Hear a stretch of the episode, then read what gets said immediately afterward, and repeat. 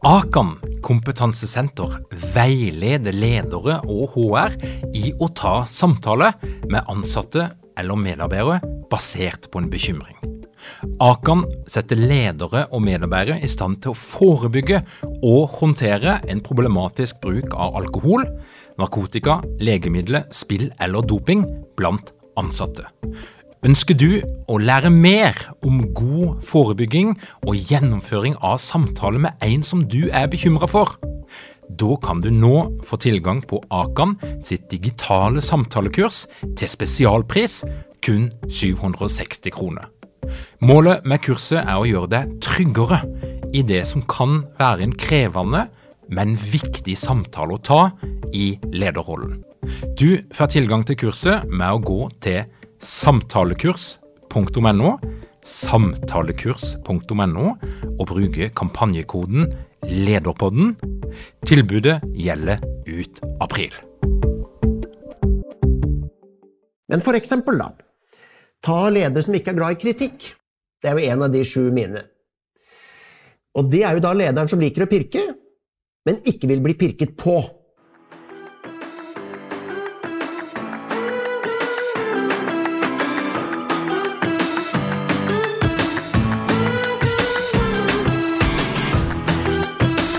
Velkommen til Lederpodden. Mitt navn er Tor Åge Eikerapen. Jeg jobber som organisasjonspsykolog og foredragsholder, og dette her er en podkast om ledelse. Amund Fjelstad han er vokst opp på Ringerike, han har bakgrunn fra Forsvaret, han gjorde kometkarriere og ble europasjef i det internasjonale rådgivningsselskapet Gartner, før han starta for seg sjøl som rådgiver og forfatter. Nå er Amund aktuell med sin femte bok, Karriereboka, ei bok for deg mellom 20 og 34 år, som ifølge omslaget skal gi deg alt du trenger for å bygge den karrieren som du ønsker deg. Og I boka så presenteres det tre byggeklosser. Og Den andre byggeklossen den tykker jeg var ganske spennende, for den heter Åssen unngår du å jobbe for feil sjef? Hvem er de dårlige sjefene? Hvorfor skal du unngå de, og hvordan oppdager du en dårlig sjef? Det skal du blant annet lære mer om i dagens episode av Lederpodden. Velkommen til Lederpodden, Amund. Tusen takk. Jeg har gledet meg.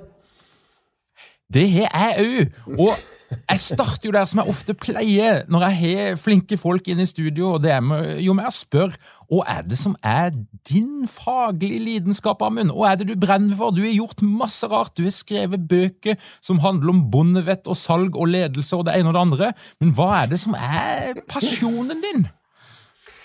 Jeg er veldig glad i å hjelpe mennesker til å få til ting. Jeg har jo hatt type sånne forretningsjobber, men i det så ligger det veldig å påvirke mennesker til å da påvirke en forretning. Da. Så jeg er veldig glad i det menneskeaspektet med forretningslivet. Eh, jeg har veldig sansen for å se folk få til mer enn de trodde de kunne få til, og utvikle seg osv. Og, og så er det nesten sånn at jo yngre de er, til bedre er det. Så, så, jeg har veldig sansen for å prøve å støtte unge folk uh, som vil fram og få til ting da, og trives med ting. Så det var jo litt av bakgrunnen for den karriereboka. Er rett og slett, Jeg syns det er veldig givende å se folk utvikle seg. Det er en veldig sånn sterk drivkraft.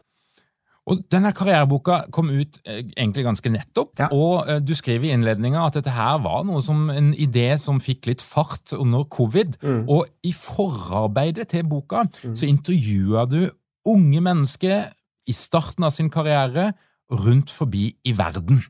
Ja. Og det jeg lurer på, det er hva spurte du de om, og hva fant du ut? Ja, Det var egentlig tre ting jeg var ute etter. Altså, Hva, hva lurer de på når de tenker jobbliv og karriere? Hva bekymrer dem? Og, og hva drømmer de om? Det, det, er liksom sånn, De tingene var jeg veldig nysgjerrig på, og du har helt rett. Jeg intervjuer folk fra Canada i nord til India i øst og Sør-Afrika i sør, og mange i Norge, så klart. Så, så, men det var de tingene der. Um, og jeg hadde jo også fokusgrupper både i Norge og utlandet for å prøve å forstå denne målgruppen veldig godt. da. Lurer du på hva jeg fant? Veldig. ja, det var, det var, masse spennende. Bare å sitte og intervjue en 22-åring i India fra Oslo liksom, på Teams, det var fantastisk givende. Veldig morsomt. da. Um, du, det var tre hovedbolker. For det første, ikke én av de jeg snakket med, hadde penger som drivkraft. Alle snakket med sine ord om mening, som er ganske interessant. Men det var tre hovedbolker. Det ene er alt det praktiske jobblivet. Altså sånn Hvordan opptrer jeg i møter? Eller hvordan leder jeg et møte? Hvordan skaper jeg en god relasjon til sjefen min og kollegaer? Er det lov til å snakke om lønn? Hvordan snakker jeg om lønn? Hvordan setter jeg grenser? Må jeg si ja til alt? Altså Alle mulige sånne ting som, som de sitter og lurer på, rent praktisk. Nummer to var drivkrefter. Altså, hva vil jeg egentlig med karrieren min eller livet mitt? Hva er god retning for meg? Hva motiverer meg? Det tredje var det jeg, det jeg valgte å kalle frykt. Som var en mye sterkere del enn jeg trodde, men det går på alle mulige sånne små ubehageligheter som går på f.eks. overdreven nervøsitet, være sjenert, redsel for at alle andre er flinkere enn seg selv, eller tankene rundt det, redsel for å gjøre feil, eller å si noe feil, overdreven selvkritikk. Det er også sånn sak, eh, eh, ensomhet. Ikke, ikke koronaensomhet, men uh, vanlig, holdt jeg på å si. Dette er en ganske stor del av unge menneskers liv. Og som, tenker, som overrasket meg litt. Det var, mye, det var, litt mer enn jeg trodde. Men, men, det liker de å snakke om når jeg er ute nå og holder foredrag og workshops og sånn for unge i bedrifter som jeg gjør en del av. Dette temaet er, er veldig populært, for å bruke det uttrykket. Og som jeg tenker en del bedrifter bør være gode på, virksomheter bør være gode på å ufarliggjøre dette. For dette er liksom ikke noe sånn, det er, ikke så veldig alvorlige ting, men det er ubehag som mange går rundt med, som man kan ganske lett dempe. da. Så, så, det var også en tema. Men det er liksom sånn jeg strukturerte boka. Alt det praktiske. Verktøy, enkle metoder for å navigere godt gjennom jobblivet. Drivkrefter, verdier, motivasjon. Og litt dette rundt selvtillit og frykten for å gjøre feil og mye av de tingene der som jeg prøver å ufarliggjøre. da. Dette her er jo interessant, for det du sier noe om, det er jo da at eh, ambisiøse unge mennesker gjenger rundt og kjenner på ganske mye frykt mm. på sin arbeidsplass. Ja. Og, og, og, og, det er jo samtidig noe som det blir snakka relativt lite om, vil jeg anta, her og der. Sjelden ja. en del av onboarding-opplegget, eller hva det nå skulle være for noe. Men, men hvordan mener du at eh, næringslivet eller arbeidsgivere skal bruke den informasjonen? For det er jo noe nyttig der. Ja, i aller høyeste grad. Og, og mange bedrifter, øh, bransjen nå, sliter med å tiltrekke seg, utvikle og beholde unge talenter. Altså Det er rett og slett forretningskritisk for mange, så de må gjøre noe. Og, og det er, For det første så er det jo ufarliggjøre dette her. Altså, Bare tanken da på at et ungt menneske med en høy utdanning er redd for å gjøre feil, er jo egentlig helt vill. Alle gjør jo feil. altså, rekk opp hånda! Den som ikke har gjort feil i det siste. Ikke sant? Markeds, markedsdirektører beregner markedet feil. Økonomidirektører regner feil. Administrerende lager feil strategi. Altså, det, det, vi gjør jo småfeil hele veien. Vi er litt nervøse før vi skal gjøre noe viktig. Det, dette er jo, det er jo bare menneskelig. Så jeg tenker at å bare å ufarliggjøre det med at ledere også deler litt av sine småfeil de har gjort, eller at de var litt nervøse for et møte, eller bare snakke om det. For det jeg merker når jeg er der ute, er jo at unge de har rett og slett bare behov for å å ha dette på bordet. Det, er ikke nødvendigvis noen sånne store løsninger på noe voldsomt problem. En ung en sa til meg her i forrige uke at uh, når han, når han syns han sier noe dumt, så tenker han på det i flere uker etterpå.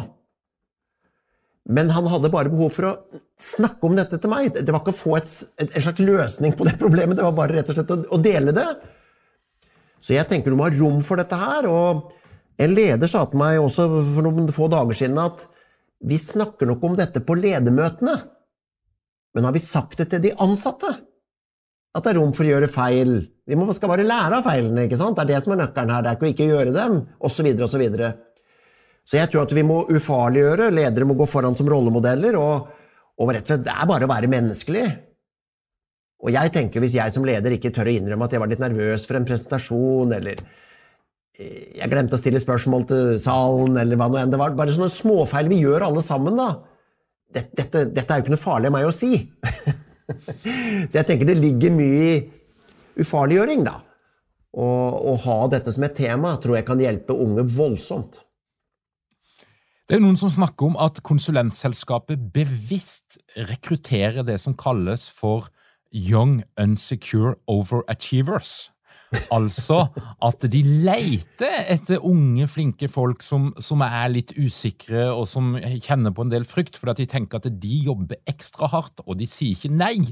Har du oppdaga noen sånne tendenser i dine samtaler? Nei, det har jeg faktisk ikke. Det har jeg ikke.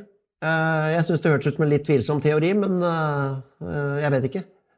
Jeg tror nok mye mer på å fjerne utrygghet, i hvert fall på dette planet her. For vi snakker jo liksom ikke om noen sånne voldsomme alvorlige ting. Det er rett og slett bare å diskutere og være menneske. Det, er jo ikke noe verre. Og det tenker jeg vi bør klare, da. Så, men, men svaret er nei. Jeg har ikke det. Det er jeg glad for å høre.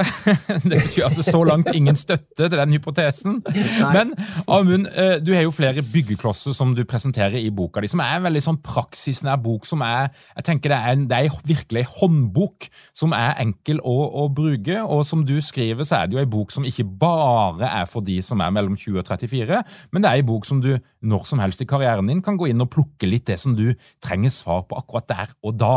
Ja. Og så skriver du jo noe om da, eh, eh, Den første byggeklossen har du allerede vært litt inne på, altså frykten, det å håndtere den. Men den andre byggeklossen det handler rett og slett om å finne seg den riktige sjefen. Mm. Og Åssen kom du opp med det? Det kom jeg opp med fordi jeg har jo en viss erfaring sjøl. Nå er det jo en ganske sånn vanlig sport da, å snakke om dårlig ledelse eller dårlige sjefer. Det er jo ganske populært å gjøre. da. Eh, dette er jo ikke en bok om det, men jeg skriver om det fordi tidlig i karrieren så er lederen du har, ekstra viktig. Du setter en retning i ting. En led, god leder kan gi deg vinger.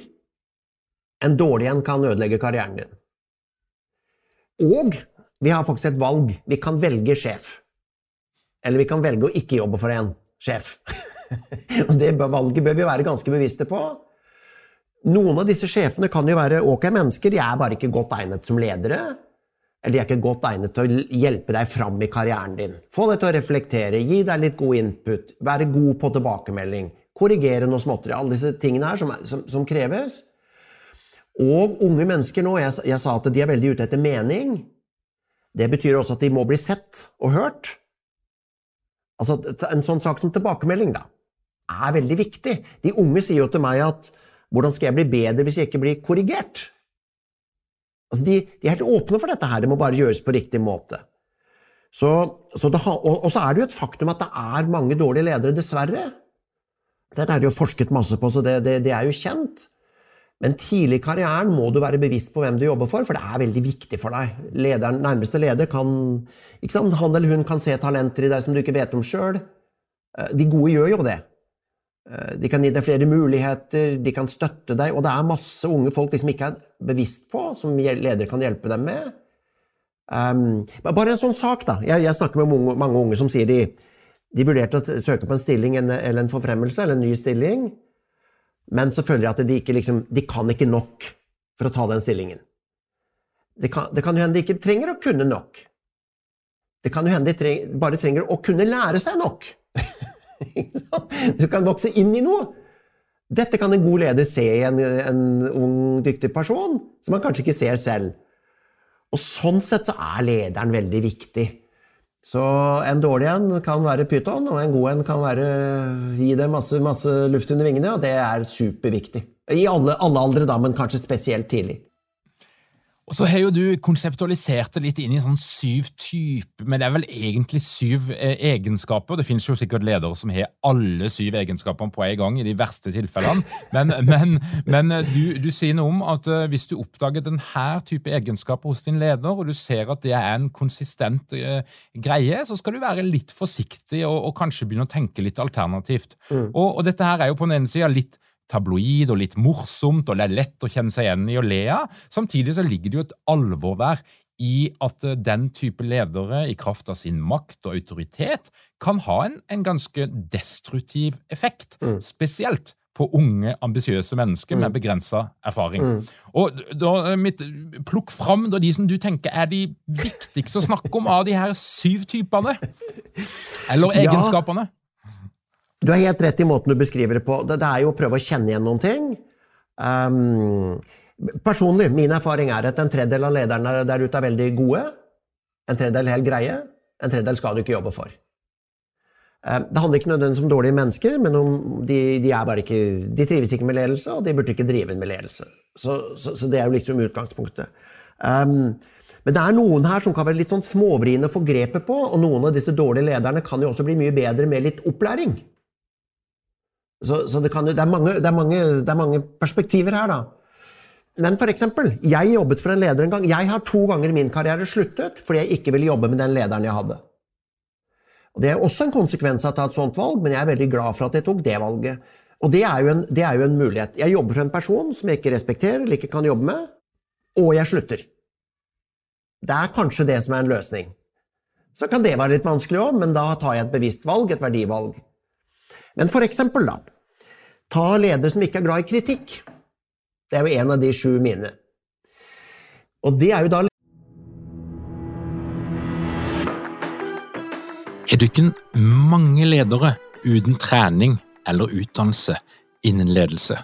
Mangler dere en felles kultur og praksis for ledelse? Ønsker dere å være bedre rusta for fremtidig vekst og endring? Da kan et internt lederutviklingsprogram være en god investering. I Execu så er vi eksperter på å designe og gjennomføre bedriftsinterne lederutviklingsprogram. Hvis du ønsker å lære mer om hvordan vi kan hjelpe dykken til å få enda bedre ledere, ta og klikk deg inn på execu.no.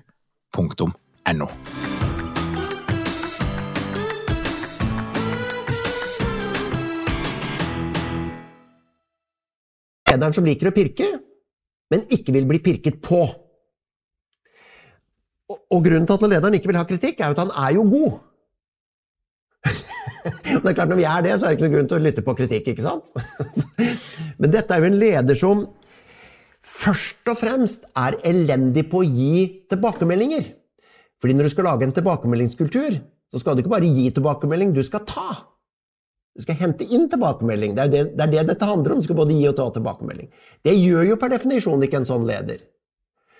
Og dette er en leder som kan flytte seg fra lederrolle til lederrolle, eller stilling til stilling, og få dårlig score på medarbeiderundersøkelse gang på gang, men likevel fortsette som leder, og det er veldig synd.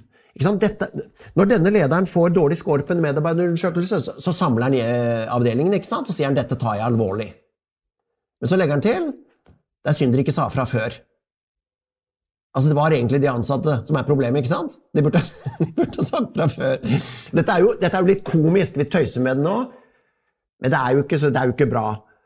Og så sier han jeg vil gjerne ha noen konkrete eksempler. Altså, nå ber han folk utlevere seg. Og det jeg skriver i boka, nå er en risikosport. Fordi disse personene de, de, de, ser ikke egen retning, de ser bare på omgivelsene og prøver å tro det er der det er noe gærent. ikke sant? Folk har ikke forstått den helt. og sånt. Noe. Sånne ledere er destruktive for karrieren fordi de gir veldig lite. Og det, og, og det, de gir lite av, er typisk dette med tilbakemelding, altså ros og korreksjon osv., som er veldig viktig for å, for å utvikle seg. Så, så, sånne ledere er jeg veldig vare mot. En annen leder som jeg skriver om, er jo denne lederen som hele tiden skal unngå ting. Ikke oppnå. Altså, du kan høre det i språket. Nå må ikke, må vi ikke gå på en grunne, ikke sant? nå må vi unngå problemer her. Istedenfor at de skal nå mål og oppnå ting. Og litt av problemet her, dette er jo ofte folk som kanskje har eh, kjørt et prosjekt i grøfta eller gjort noe dumt, så de er de blitt litt sånn vare, de liker å gjemme seg. Problemet her er jo at de er defensive. Og hvis du skal utvikle deg gjennom en karriere, så vil du ikke jobbe for en defensiv leder. Du vil, ikke, du vil ikke jobbe for en som vil unngå, du vil jobbe for en som skal oppnå. Jeg hadde en venn som hadde jobbet for en sånn person i fem år, før han forsto at det var sånn vedkommende ble, altså den drivkraften var i lederen sin. Og han mente jo at det var fem år som var dårlig for karrieren sin, fordi du hele tiden driver og unngår. En leder jeg jobbet for selv, var en som løy. Altså, jeg oppdaget med at jeg, skulle, jeg hadde blitt lovt eh, å få en lønnsøkning ved fast ansettelse. Og så fikk jeg tilbud om fast ansettelse, men der sto det ikke noe om lønnsøkning i, i eh, avtalen. Og så spurte jeg, og så sier fyren at det kan jeg ikke huske vi snakket om. og så tok jeg mot til meg. Jeg var bare 24 den gangen, og det var liksom sjefen i firmaet, eieren og over 50 år, og det var veldig vanskelig å snakke om, syns jeg, da. Men jeg tok mot til meg og tenkte at vet du hva, jeg, jeg må være ærlig her. Og sa at jeg har lyst på jobben, jeg trives her, men jeg husker vi snakket om det. Og så sier han at nå syns jeg du er frekk. nå ble det jo enda vanskeligere. Men, men, jeg tenkte jo at enten så husker denne personen forferdelig dårlig, eller så lyver han jo. Og jeg ville ikke jobbe for noen av de to typene. Så jeg valgte jo da å, å slutte. Og problemet med å jobbe for en leder som enten type bryter loven eller lyver, da, er jo at du blir jo, du blir jo en del av lederens system. Altså du, du, vil jo jobbe for en leder du respekterer, du er glad i og har lyst til skal få til ting, men nå er du en del av hans eller hennes system. Så hvis en sånn person først lyver én gang, så lyver de antageligvis to. Og nå kan, du, nå kan, du, ende opp med å sitte i et system som ikke er ærlig. Altså, nå er det til slutt deg. Så, så det er en del sånne ting det er greit å se litt etter. Så, så er det liksom sånn mer alvorlig er jo sikkert manipulerende sjefer, altså psykopatiske sjefer, som setter folk opp mot hverandre, manipulerer, skal vite hva det ble snakket om når ikke du var til stede, skal kopieres inn på alle e-poster og sånt noe. Um, du har disse uforutsigbare folkene som du aldri vet hvordan reagerer, som er veldig slitsomt, for du blir gående og veie ordene dine. Du har lyst til å si noe, men så tenker jeg ops, skal jeg gjøre det, eller skal jeg ikke gjøre det? Dette, dette blir man sliten av. Så det er Jeg har liksom skisset det, som du sier, i, i syv sånne egenskaper. Men det jeg vil med det, er egentlig at uh, unge mennesker skal få litt bevissthet. Og, og du spurte hvordan ser man dette her?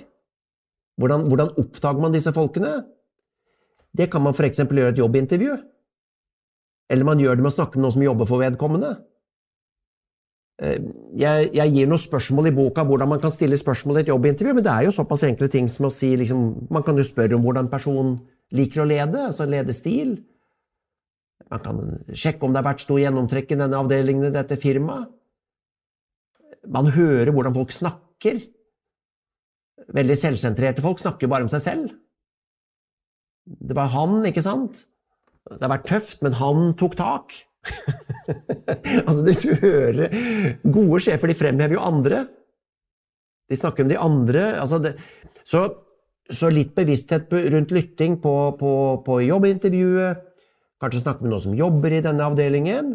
Og gode ledere vil jo gjerne at du skal snakke med noen som jobber for vedkommende, før du eventuelt jobber der. Så det er jo en del sånne småting man kan være litt bevisst på. Så, så, jeg tenker at man kan unngå det verste, da, men hvis man løper inn i et sånt problem, så kan det hende at man velger å avslutte og finne en bedre leder. Det, det høres litt sånn voldsomt ut, men det kan hende man må det òg. Um, men jeg gir jo noen tips. Altså, Hva gjør jeg hvis jeg syns jeg jobber for en dårlig leder? Altså, Man har jo et ansvar sjøl også. Og Det første tipset er jo at eh, sjekk om det virkelig er lederen. Altså, jeg vet jo mange som jobber i bedrifter hvor de rapporterer seg helt i hæl. Men det er ikke lederen som har funnet på det. det, er, det, er, det, er, bare sånn det er i det firmaet. Så, så, så sjekk det først. Og så må jeg jo zoome ut. Jeg må jo se på totalen her. Kanskje jeg har en leder som ikke er perfekt, men kanskje jeg har en ålreit utvikling, jeg tjener ok, jeg har en fin reisevei, jeg har hyggelige kollegaer. Altså, kanskje jeg kan leve ok med dette her. Men hvis det er dårlig for meg, destruktivt, så er jeg også villig til å slutte og, og, og ta den, den, konsekvensen av det problemet. Da, men det kan være riktig. Jeg, jeg har som sagt gjort det to ganger. Og Amund, du, eh, du, finner jo dette her med, med, mening, og det er det jo andre som har snakka om. Vi hører at oljebransjen sliter litt med å rekruttere.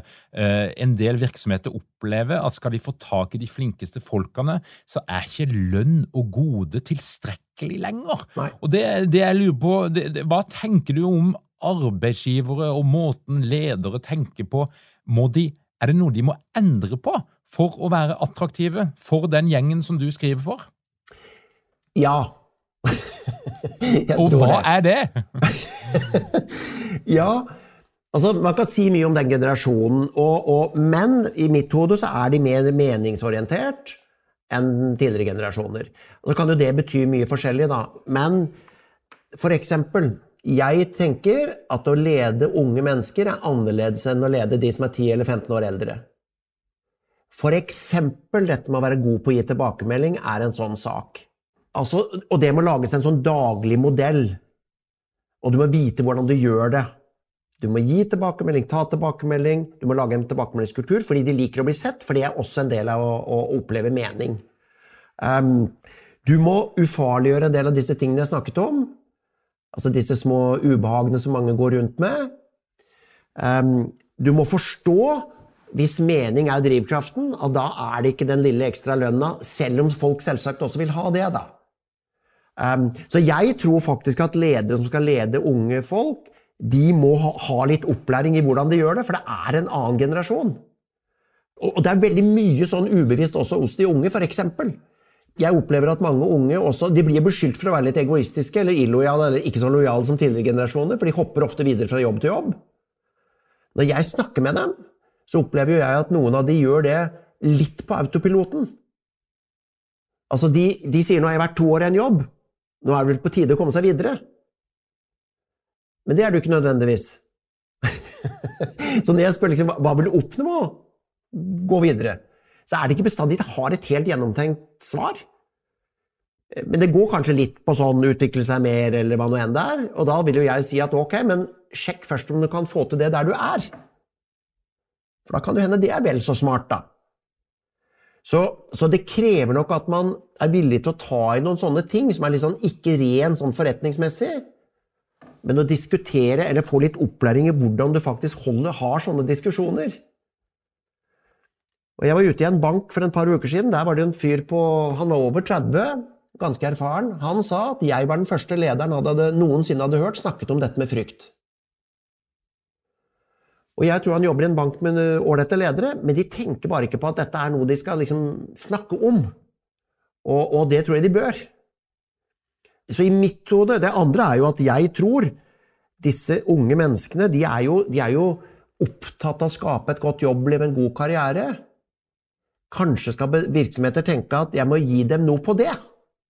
Altså I tillegg til et utviklingsløp sånn jobbmessig, skal jeg gi dem et utviklingsløp karrieremessig litt uavhengig av rollen de har her og nå.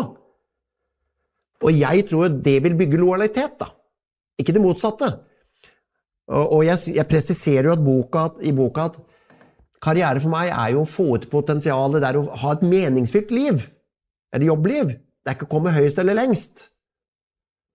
Og jeg tror hvis en, hvis en virksomhet bidrar til det, og viser de unge ansatte at de vil bidra til det for dem, så tror jeg de får voldsom lojalitet tilbake. Så jeg tror rett og slett at man må tenke, Hvis dette er kritisk, så tror jeg man tenker på å lage, lage et program for det som inneholder noen av disse delene her. Jeg, jeg tror rett og slett det er smart, for det er, det er kritisk for mange bransjer. IT-bransjen er en, advokat er en annen. Unge, unge, det er vanskelig å finne riktige folk. og noen av de man har, forsvinner ut igjen, eh, og de kunne man kanskje beholdt. da. Og Hvis vi skal snu flisa, så har vi jo da den gjengen som du har skrevet til her. Du har skrevet ei, ei tjukk bok, men veldig praktisk og veldig håndgripelig og forståelig. Og det jeg vil utfordre deg på nå, Amund, det er kan du til de menneskene som sitter der ute. De er i utdannelse, de begynner å tenke på uh, hva skal de gjøre etterpå. De skal ta noen skikkelig vanskelige valg, og det virker som de valgene er tøffere og tøffere. Mm. Men hvis du skal koke ned din beste oppskrift for åssen folk bør tenke, og hvilke valg de bør ta for å mm. få den karrieren som de tror de ønsker seg, mm, ja. høres det ut? Ja, det høres ganske enkelt ut. Fordi det er såpass enkelt som å si du må forstå hva du motiveres av.